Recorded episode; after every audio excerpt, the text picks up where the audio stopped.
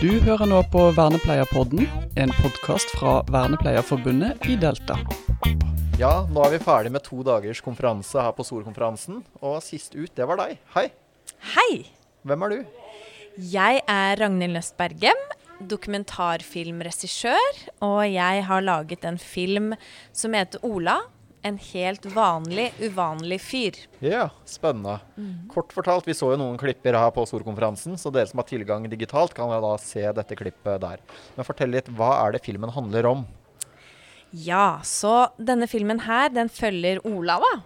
Eh, gjennom flere år. Han har en veldig lett Eller Nei, det der må du kanskje klippe. Jeg kan ikke si veldig lett utviklingshemming. Det der må du klippe. Ja, vi klipper. Veldig lett. Eh, ok, jeg begynner på nytt, jeg. Eh, filmen følger Ola. Eh, han har jeg filma i flere år. Så han har en lett utviklingshemming og bor på Vidaråsen, landsbyen utenfor Tønsberg. Ja. Og han er en reflektert fyr som forstår veldig godt sin egen situasjon. Så mye av det som bærer filmen, er at Ola deler sine erfaringer med hvordan det har vært å være annerledes.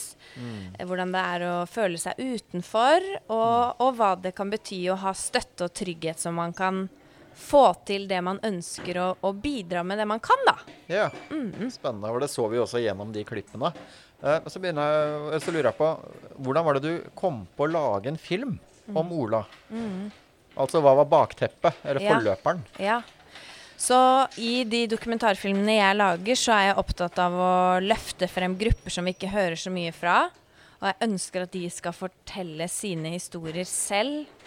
Så jeg har lagd film om personer med demens, eh, noen med ALS, og, og nå også da eh, om Ola. Så, så det er en sånn baktanke jeg har når jeg lager film. Og så lagde jeg en kort film fra Vidaråsen mens jeg studerte. Ja. Eh, så var jeg i den landsbyen, og så tenkte jeg at nei, her er det så mange fine, flotte folk som jeg har lyst til å bli bedre kjent med. Som eh, vi som publikum fortjener å, å se mer til. Da. Så da dro jeg tilbake og filma Ola gjennom flere år. Kult.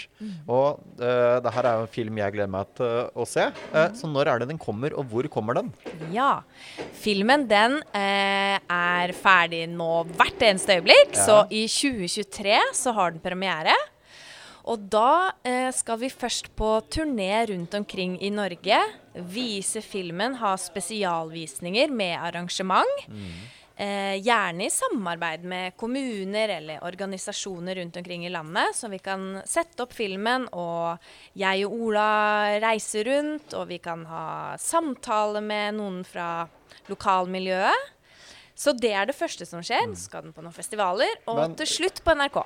Ja, så dere som lytter på, hvis dere ønsker, enten på i kommunen, arbeidsplassen, eh, dagtilbudet, hva enn det skal være, hvor er de kan henvende seg til deg for at dere eventuelt kan da komme og spille av filmen der? Ja.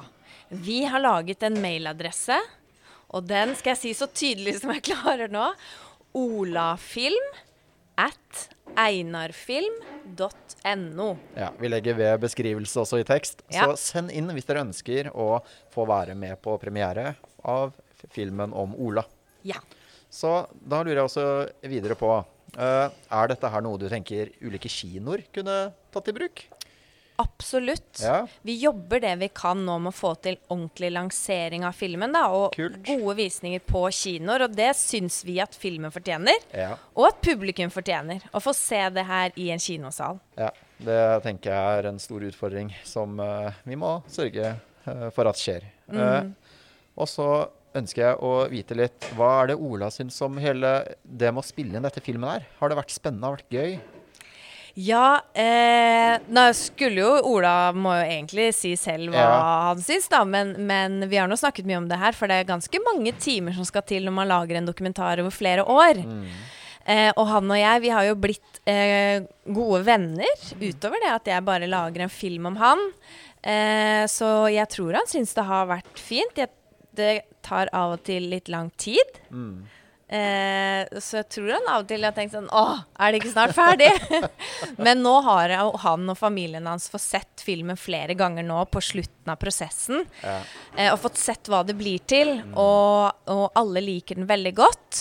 Eh, det er sterkt å se på det for Olav òg, da. Fordi han er såpass ærlig i filmen. Og se hvordan de samtalene han og jeg har, nå er de på et stort lerret, og nå, det, nå skal mange få høre hans tanker, da. Ja. For Ola skulle jo egentlig opprinnelig vært med her, men hadde ikke anledning. Mm. Eh, så vet du hva, da får Vernepleierpodden reise opp og ta en prat med deg Ola på nytt. Ja!